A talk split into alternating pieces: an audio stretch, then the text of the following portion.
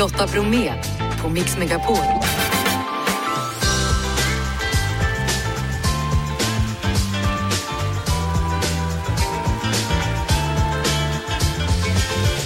Hallå där och varmt välkommen hit. Kul att du har hittat hit i dagens torsdagsmix. Papporna. Alexandra Pascalido letar efter dem i sin nya bok. Ni hör henne efter klockan 17. Sportjournalisten Chris Härenstam tipsar om en bra serie att streama i Bytt är bytt. Och alldeles strax så kommer Janne Schaffer. Nu ska han minsann få medalj av kungen. Och självklart så blir det i dagens program en massa mer än så. Så nu kör vi! Lotta Bromé på Mix Megapol. Eh, kul att du har hittat hit. Det har också mannen som firar att det är 50 år sedan debutplattan släpptes. Och på tisdag den 13, 13 juni så tilldelas han medaljen Litteris et Artibus för sina konstnärliga insatser inom svenskt musikliv. Välkommen hit Janne Schaffer. Tack så mycket. Tack, tack. Alltså det är inte varje dag man får en medalj av kungen. Nej, det är för mig det första gången och det ska bli fantastiskt kul och mycket hedrande. Ja, ni är några stycken som får den samtidigt då. Ja, det är Gunnel Fred och Thomas Hansson, skådisar på Dramaten och Ola Salo då också. Ja. Vilket är väldigt trevligt. Har du spelat med honom någon gång? Eh, Vi har träffats flera gånger, men däremot har jag jobbat med Thomas Hansson par gånger. För han var ju på julkonsert som Jöns Isolin och jag hade på Gustav Vasa kyrka. Jaha. Så honom, vi, jag känner honom, vi har umgåtts. Men jag menar, 50 år sedan du släppte din debutplatta, du måste ju ha spelat med nästan alla. Ja, många kan man väl säga. Ja.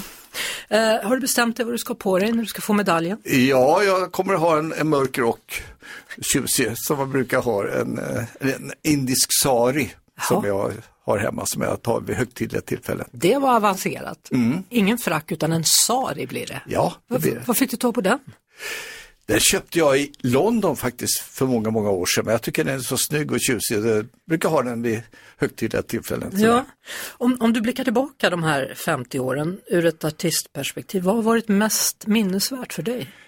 Ja, det går inte att räkna så därför att det är så otroligt mycket. Va? Men jag känner ju det att jag, för det första är jag så tacksam att jag fått vara frisk så här lång tid och jag kan hålla på. Jag, bara för en månad sedan var jag på turné i Europa och, och stod och spelade i Berlin för 4000 pers och då spelade jag en låt från min första platta som heter Halkans affär och det var vansinnigt kul.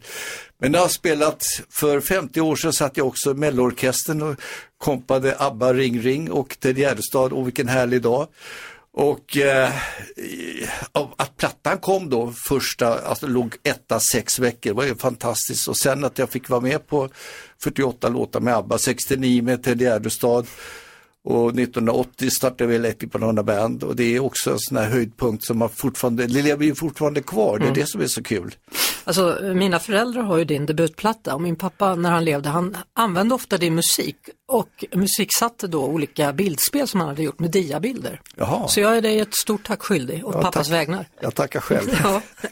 Eh, Vad betyder det att få en sån här medalj av kungen då? Det är väl egentligen en symbolisk handling men det är någon slags kvalitetsstämpel antar jag och det är jag ju otroligt glad och tacksam för. När, den dagen som det offentliggjordes så kändes det som en födelsedag för mig. Jag brukar inte fira födelsedagar längre, det var länge sedan. Men det kändes som en födelsedag. Alla var så glada, grattis, grattis. Jag har aldrig fått så mycket grattis på en gång. Så det utan att få en present, va, utan bara en, en liten symbolisk medalj, det är fantastiskt roligt och jag är så otroligt glad och tacksam för det. Härligt. Eh, Förutom medaljen då så antar jag att du firar 50 år sedan det självbetitlade albumet Janne Schaffer. Jag håller i min hand en liten bok, men ska du fira med konserter också tror jag? Ja, jag gör ju, min föreställning heter My Music Story och där berättar jag om hela, det är två karriärer som går parallellt. Dels min solokarriär och låtskrivare och 14 soloplattor, men sen också som eh, studiomusiker och eh, det gör jag runt hela Sverige och jag kommer göra det på Gotland bland annat och jag kommer göra det på Södra Teatern i Stockholm och ja, Ja, jättemycket. men du börjar med medaljutdelningen. Hoppas allting går bra på tisdag då. Jag håller Schaffer. tummarna för det själv Och faktiskt. stort tack för att du kom hit. Lotta Bromé på Mix Megapol. Nu, spetsa öronen om ni gillar att titta på olika serier.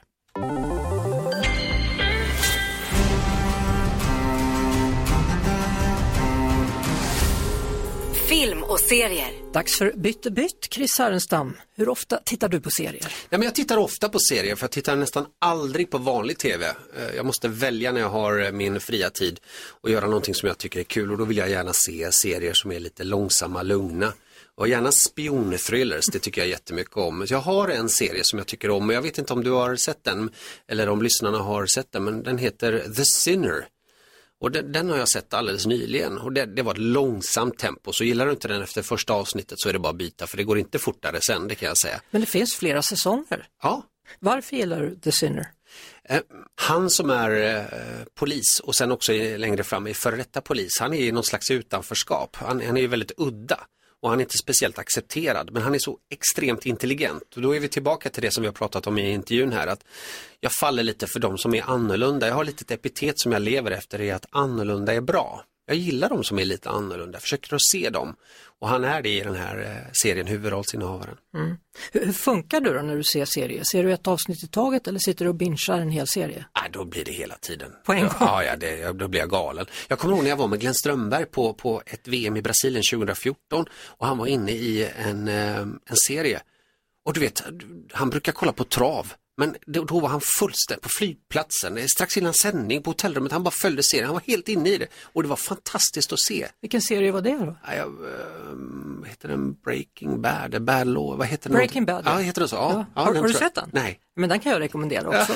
Nu har väl Glenn försökt få dig att se den då, men nu, nu är det dags, den är jättebra. Ja, jag ska se det, jag lovar. Ja. Jag, jag tänkte då när du sa att du gärna vill ha någonting som är lite annorlunda. Atypical finns det en serie som heter, som går på Netflix. Och eh, det handlar om en kille som är på det så kallade spektrat och hans familj och hur de hanterar detta och hur han hanterar dem och hur han hanterar livet. Och man blir väldigt glad över att se den här serien. Blir man glad, då är det definitivt Mm. någonting jag tar med mig. Tack! Ja, du kommer älska den tror jag faktiskt. Härligt. Atypical får du av mig och jag fick av dig då The Sinner. The Sinner. Bytte bytt. Bytte bytt. Lotta Bromé på Mix Megapol. USA-valet närmar sig och Joe Biden han har ju sagt att han vill kandidera och bli omvald. Medan Republikanerna nu får allt fler som vill utmana Donald Trump som redan meddelat att han vill ja, rädda landet. Eh, senast i raden var då den förre vicepresidenten Mike Pence. Do you believe that Donald Trump should ever be president again? David, I think that's up to the American people. But I think we'll have better choices in the future. Better choices than Donald Trump. Do you believe you can beat Donald Trump? Well, that would be for others to say. But what we've got to have in this country is equal treatment under the law. Behöver ha att alla är lika inför lagen, sa Mike Pence i samband med att han intervjuades då när han tillkännagav sin kandidatur här i häromdagen. Då. Eh, Andreas Österström, USA-kännare, den senaste i raden att utmana Trump är alltså den före detta vicepresidenten Mike Pence. Är det lite oväntat eller? Alltså, i amerikansk politik brukar man prata om name recognition, att man är ett känt namn som folk vet vem man är och det där är delvis en färskvara så att därför tror jag att Mike Pence tar eh, chansen nu. Men det här är en väldigt eh, komplicerad eh, kandidatur och eh, jag har ganska svårt att se hur han ska kunna navigera sig fram till segern. Mm. Sedan tidigare då så har ju eh, förre amerikanska ambassadören i FN, Nikki Haley, sagt att hon är med i racet. Och liksom Floridas guvernör Ron DeSantis, det har vi pratat om tidigare. Och i helgen så blev det comeback för ytterligare en tidigare kandidat, då, nämligen Chris Christie. Eh, tillmäter du någon av dessa en chans mot Donald Trump? Jag tror att eh, först kommer Donald Trump, sen kommer Trump, sen kommer ingen och sen kommer Ron DeSantis. Eh, men man kan i teorin liksom snickra fram scenarier där Christie eller Nikki Haley eller så skulle kunna utmana Trump. Det svåra för just Mike Pence är att han har retat upp eh, två viktiga väljargrupper. Dels de här mest eh, trogna Trump-väljarna eh, eftersom de tycker att han svek när han inte valde att bryta mot lagen och gå in och upphäva valresultatet. Och sen har han också retat upp traditionella konservativa kristna amerikaner som är trötta på Trump och kanske vill ha något annat. Alltså, vad är det som kan stoppa Trump? Är det eventuella rättegångar? Där kollar vi om Andreas kan komma tillbaka. Vi ska ta och ringa upp honom och fortsätta det samtalet alldeles strax. Om vi ringer upp honom bara så fortsätter jag att berätta lite grann om de olika kandidaterna. Det är ju alltså så att Joe Biden har sagt att han vill kandidera och bli omvald, något som många har varit kritiska till eftersom han har kommit lite till åren. Medan Republikanerna då, de får allt fler som vill utmana Donald Trump som ju redan meddelat att han vill då rädda landet. Och senast i raden då förre vicepresidenten Mike Pence som lät ganska ödmjuk när han sa Hallå. att jag ska försöka och där är du tillbaka. Härligt Andreas. Ja, du försvann. Ja, eh, Trump och rättegångarna då, kan, kan de sätta krokben för hans kandidatur tror det hade satt krokben för vilken annan kandidat som helst men Donald Trump är en mästare på att använda den här typen av av eh, uppmärksamhet till sin egen fördel. Och, och i hans fall så, så, kan man säga att det stärker hans varumärke som en rebell som är utsatt för attack. Så att jag tror att han återigen kommer lyckas med det omöjliga, nämligen att, att ta någonting som hade sänkt vilken annan kandidat som helst och sen eh, gå till väljarna och säga titta här, nu är mm. de ute efter mig och de är ute efter er och eh, därför måste kampen gå vidare. Men om han då döms för brott, då kan han väl ändå inte kandidera? Ja, man kan faktiskt eh, i, i teorin bli eh, president även om man sitter i fängelse. Det, det, svåra är om man har kommit till en fas där det är dags att rättegång ska hållas eller utredningen eh, pågås. För det finns en praxis om att sittande president inte kan åtalas. Men det där är inte riktigt prövat så det är obruten mark och eh, som så mycket annat med Donald Trump så kommer det då bli eh, en enda stor eh, dokusåpa av eh, alltihop. Och sen får vi se då huruvida någon kommer utmana Joe Biden eller det kanske man inte gör när det handlar om en sittande president.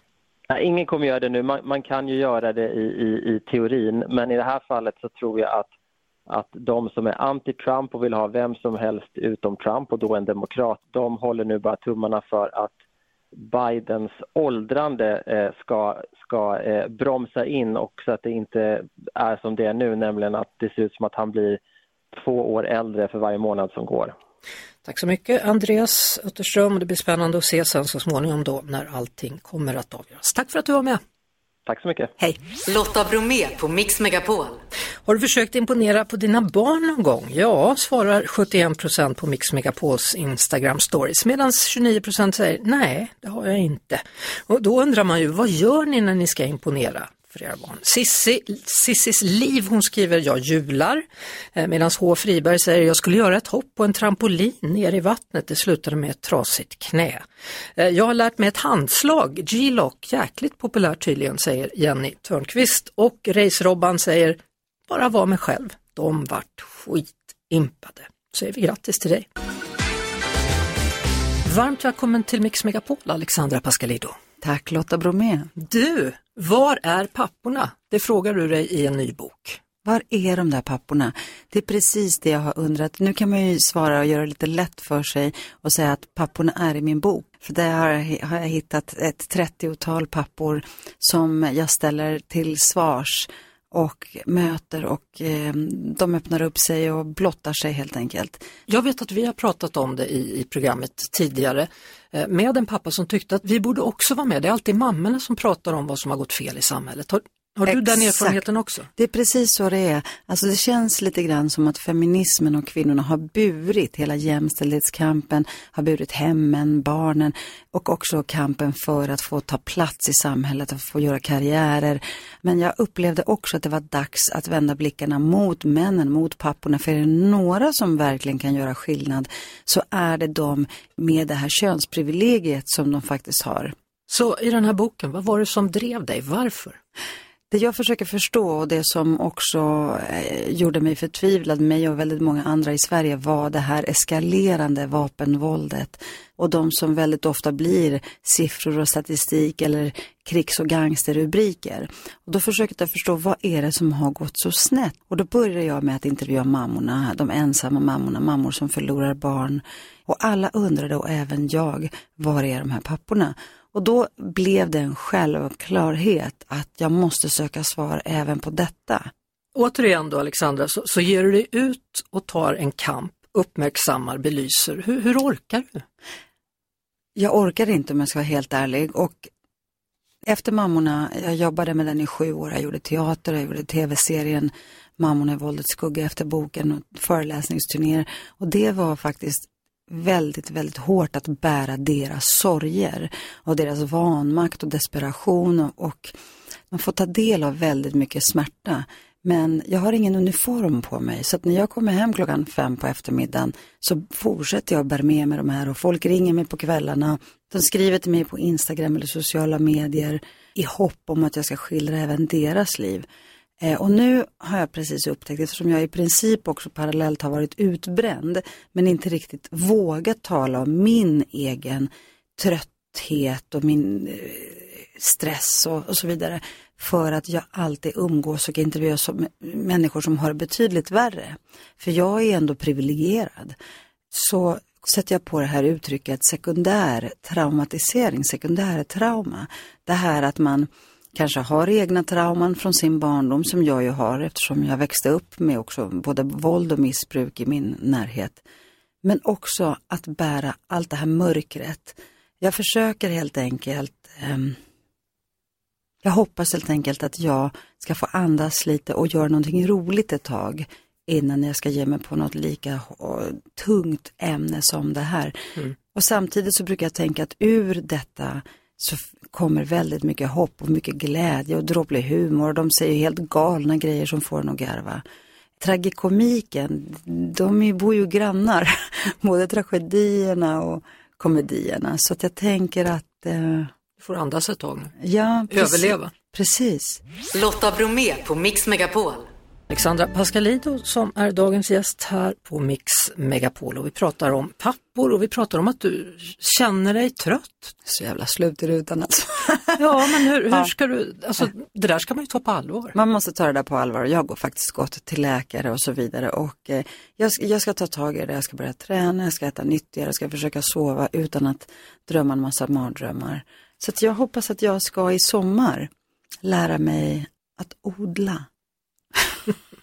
Det är ganska bra terapi. Eller hur? Ja, absolut. Jag har förstått det. De som odlar verkar vara så lyckliga. Det låter så livsbejakande. Ja, det är det.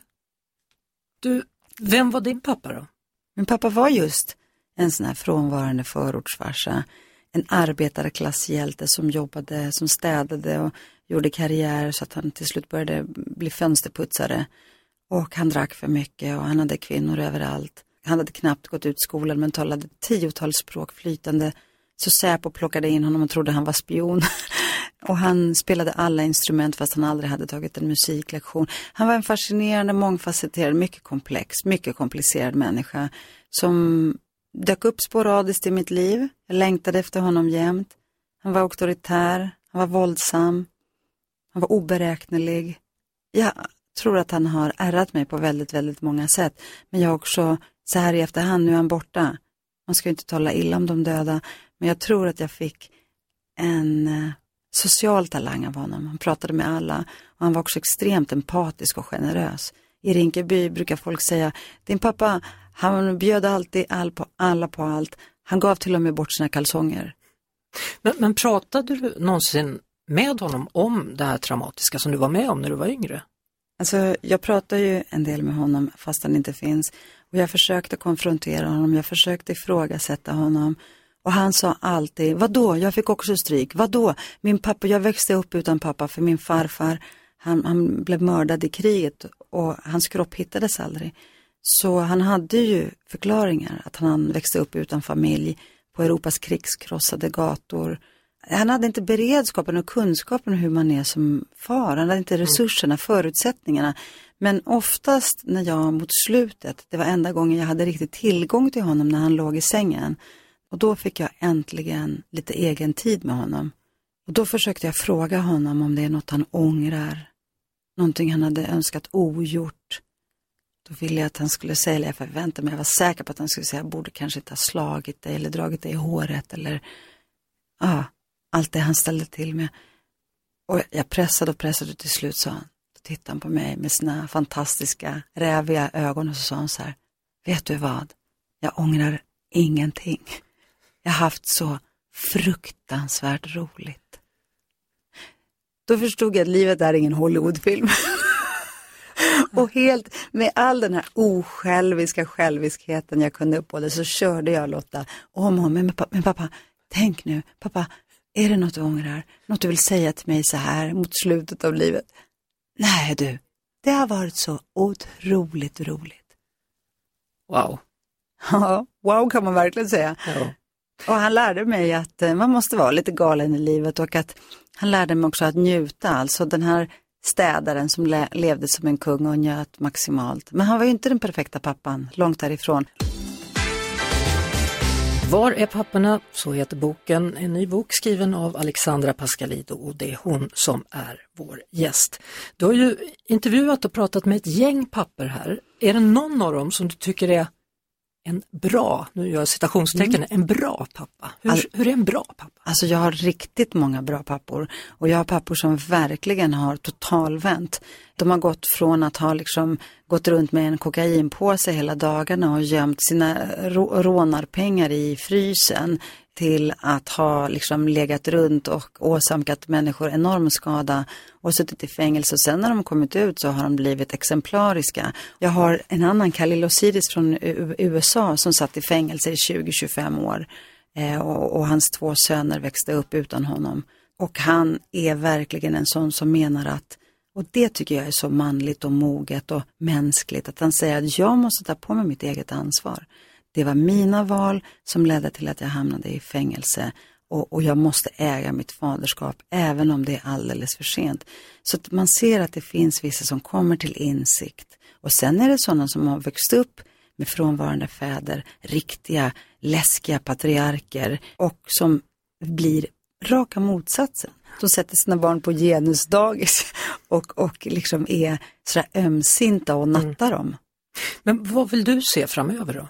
Alltså jag skulle vilja säga pappor och män över hela världen som axlar ansvaret och tar tag i den här frågan och driver frågan om jämställdhet mycket mer. Och då menar jag också så här, jämställdheten i hemmet. Många män beklagar sig också och säger att de är motarbetade av systemet eh, vid vårdnadstvister till exempel. Och de menar också att kvinnorna Eh, dribblar bort dem och tar över barnen att kvinnorna inte vill lämna ifrån sig barnet och hemmet till dem men de vill jättegärna göra karriär och tjäna pengar och så vidare.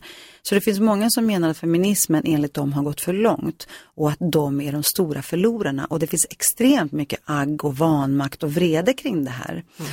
Eh, så att jag menar att det vi behöver göra det är att istället för att fjärma oss ännu mer som man ibland upplever i det här polariserade samhället. Men, men det vi ser det är ändå att eh, de här männen ändå föds med en liksom massa förutfattade meningar och förväntningar där de ska vara machon. Och en macho ska ha pengar, ska betala noter, ska hålla upp dörrar, ska vara lycklig och lyckad, ska vara snygg, ska ha muskler. Alltså det kommer medvetet eller omedvetet kommer hela det här receptet på vad manligheten är. Och de som inte klarar av att bära och upprätthålla status och bära den här masken, de är misslyckade. Vad gör män då när de är frustrerade eller misslyckade? Det enda de har att ta till, det är våld. Det är det enda som kan placera dem lite högre upp på den här könsmaktsordningen.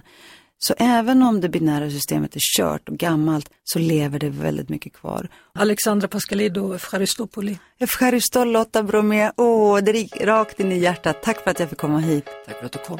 Lotta Bromé på Mix Megapol. Hörrni, den 30 upplagan av festivalen Sweden Rock startade igår och på plats finns vår kollega Janne Innanfors från vår systerkanal Rockklassiker och man undrar ju hur är stämningen? Du, den är alldeles eh, utmärkt och god. Det är ju väldigt fint väder. Det snackas om värmerekord för hela veckan. Eh, och eh, ja, god, men man märker av att solen faktiskt tär lite. Folk dricker varannan vatten och är lite halvtrötta och gömmer sig lite i skuggan. För det är väldigt varmt här. Men den är fortfarande på topp. Alltså det är ju märkligt här att det är en festival som heter Sweden Rock men äger rum i Norge. Som i och för sig ligger utanför Sölvesborg. Så är det. Norge Boke kallas det för. Så att, ja, det är lite kul. Det brukar bli fel ibland, speciellt när man pratar med internationella då, artister och sånt som vill komma hit. Om du jämför då, du har ju varit med några gånger tidigare, det här är den 30 upplagan. Vilken kvalitet håller årets upplaga? alldeles förträfflig. Nu har de ju utökat med en fullständig dag igår då som var onsdag, som egentligen brukar vara lite lugnare, lite mindre band, inte så stora. De slog ju på fullt igår då och öppnade dörrarna redan vid 12 tror jag och så var det band som eh, Mötley Crüe, Def Leppard med flera som spelade. Så att eh, full rulle, lite fler folk också än vad det brukar vara. De har byggt om hela, alltså större område Ja. än vad de haft tidigare också. Eh, Smash into pieces. I år fick de vara med. Jajamän, det har de längtat efter länge. Eh, och de spelade här för några timmar sedan bara. Eh, och sen fick de dra raskt vidare till nästa festival, eh, Eh, som var Download Festival vet jag. Så att de hann inte stanna och njuta så mycket just idag. Men de var här igår också och då träffade jag dem. Och vi bryr oss så mycket om andra så att eh, vi gjorde så här, vad händer om jag lägger mig ner här och, och har liksom solsting? Och så visade de, de la mig i sidläge, hällde vatten på mig och sånt. Så fick folk och barn som väntade på signering se det. Så det var lärorikt för alla. Mm. Vad ser du fram emot ikväll och resten av dagarna? Eh, ikväll eh, Europe eh, blir bra och eh, resten av dagen, ja men Iron Maiden väntas också och sånt. Det, det, det tror jag blir lite kul faktiskt. Så att det är mycket bra kvar också. Det är bara andra dagen idag. Eh, Min kusin Malin är ju där så att du kan väl hälsa henne om du hittar henne. Det kanske är mycket folk. Du, jag tror jag har henne här nu. Jag har faktiskt en överraskning här. Eh, hallå, hallå! Var är Lotta? Var är Lotta? Var är Lotta? Var är Lotta? Ja, du hör ju. De längtar ju redan efter. Ja. Kristin är också någonstans. Nästa gång, Janina Fors, så ses vi på festivalen. Ha det så kul och eh, som man brukar säga, rock on. Rock on! Lotta Bromé på Mix Megapol. Frida Blom från Alingsås debuterar med romanen Saker jag lärt mig om sorg. En bok som handlar om ett svårt ämne, ofrivillig barnlöshet. Och den här boken den är baserad delvis då på hennes egna upplevelser av när hon och hennes exman försökte få barn. Eh, hur började allt sammans, Frida? Det började väl så som det börjar för många, att man börjar prata om barn. Jag vet ju att vi hade det där samtalet många gånger innan det till slut var att man var på samma plats. Då så började vi försöka och som det är oftast i början så är det det där pirriga och man tänker lite så här, ah, kommer det hända nu? Är jag redan gravid? liksom, efter tre sekunder. Men sen så gick ju tiden. Efter ett tag så börjar man ju tänka, jaha, men står allting rätt till och sådär? Och sen vet man ju samtidigt att det är ju normalt att det kan ta upp till ett år, plus minus. Eh, Men jag vet ju att vi började söka hjälp där, att vi vände oss till vården efter att jag hade gått lite över ett år. Hur öppen var du med det här med din omgivning? Vi var väldigt öppna och jag vet att jag tyckte att det var väldigt skönt att vara det på ett sätt. Saker som är som man blir väldigt påverkad av, som man blir när man går runt och lever i det här. Att det var också väldigt svårt för det, det blev ett sånt glapp redan som det var från liksom, vad ska jag säga, verkligheten och allt som, alltså ens vardag och vänner och familj. Vilket gjorde att det kändes som att det skulle vara någon liksom tung hemlighet nästan att gå runt med. Att inte vara öppen med det. Samtidigt så vet jag att jag ibland kunde känna, särskilt när det hade, liksom börjat gå sådär två år, tre år, att oh, vad skönt det hade varit att kunna trycka på en knapp och så visste ingen. För att ibland så ville man bara, man ville heller inte alltid, minns jag, att jag tyckte det var jobbigt att känna att man var någon som någon tyckte synd om. Hur var din egna självbild då? Alltså det står ju bland annat i boken eh, de här känslorna som man kan få som jag vet var så otroligt jobbiga när folk omkring en blev gravida till exempel. Dels så hade man ju den här känslan av vad det nu är, orättvisa. Och vad är nu rättvist och vad är orättvist liksom. Och avundsjukan och att man hade svårt att glädjas fullt ut åt andra. Och att gå runt och känna så är inte så skönt för ens självbild. Nej, kände du också att är det något fel på mig eller? Både ja och nej tror jag. Så som det var för mig så söker man sig väldigt mycket till andra i liknande situationer och då var det oftast, även om jag inte hade någon i min omedelbara närhet så var det ju det här man kanske lyssnar på en podd eller man läste i alla tusen olika forum som finns på gott och ont. Vilket gjorde att man ändå kände att man förstod ju att det är vanligt men sen känner man sig ensam ändå. Och man kan ändå ha de här känslorna av att var, varför går det för alla andra som det kändes och inte för oss? Lotta Bromé på Mix Megapol. Jag pratar med Frida Blom här på Mix Megapol. Frida Blom som debuterar med sin roman Saker jag lärt mig om sorg. En bok till stor del baserad på hennes upplevelse då av ofrivillig barnlöshet. Nu ska vi få höra en bit ur boken. Att ställa klockan för sex suddar ut allt det sexiga. En arbetskollega påpekar att det är väl i alla fall tur att det är kul att göra barn. Det blir tydligt att hon aldrig har behövt försöka göra barn. Att försöka göra barn, särskilt när man lämnat den sexiga delen bakom sig, är att bli besatt. Någon skriver på ett forum att efter en månad då hon åt Bisolvontabletter och hoppade på ett ben vid fullmåne tog det sig. En annan att hon slutade med kaffe och drog ner på spinningen. Den stress det skapar att försöka göra rätt och inte klandra sig själv när det går åt helvete är på en nivå inget annat kan mäta sig med. Debutromanen då, Saker jag lärt mig om sorg har hyllats för sitt språk och hur fint du balanserar upp det här tunga ämnet. Och hjärtskärande vackert skriver man bland annat i, i recensioner. Den är skriven till citat mammorna och nästan mammorna. Eh, vad är det du hoppas kunna bidra med med boken? Jag skrev i boken för att jag, eh, jag älskar att skriva och det var väldigt, även om det är ett tungt ämne så har det varit väldigt fint och kul för mig att skriva den. Men jag hoppas nu när den är ute Alltså jag har ju ändå något sånt magiskt tänkande om att en berättelse hittar till rätt person i rätt tid. Och jag kan ju tänka att för mig hade det varit en tröst att läsa den här boken när jag var mitt uppe i det.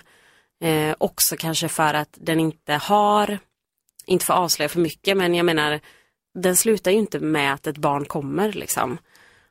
Och att kunna få, få lite tröst i att ah, vara en människa i kris och att få läsa om en annan människa i kris. Mm.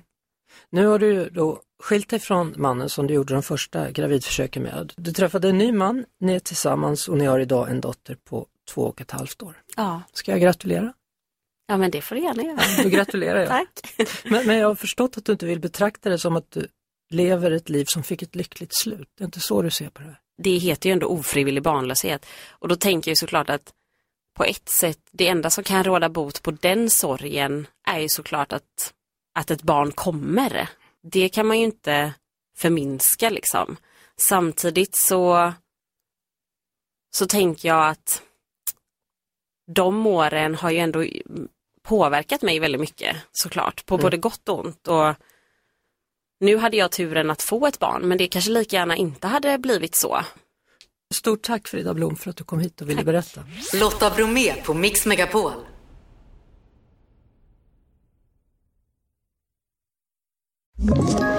Ett poddtips från Podplay.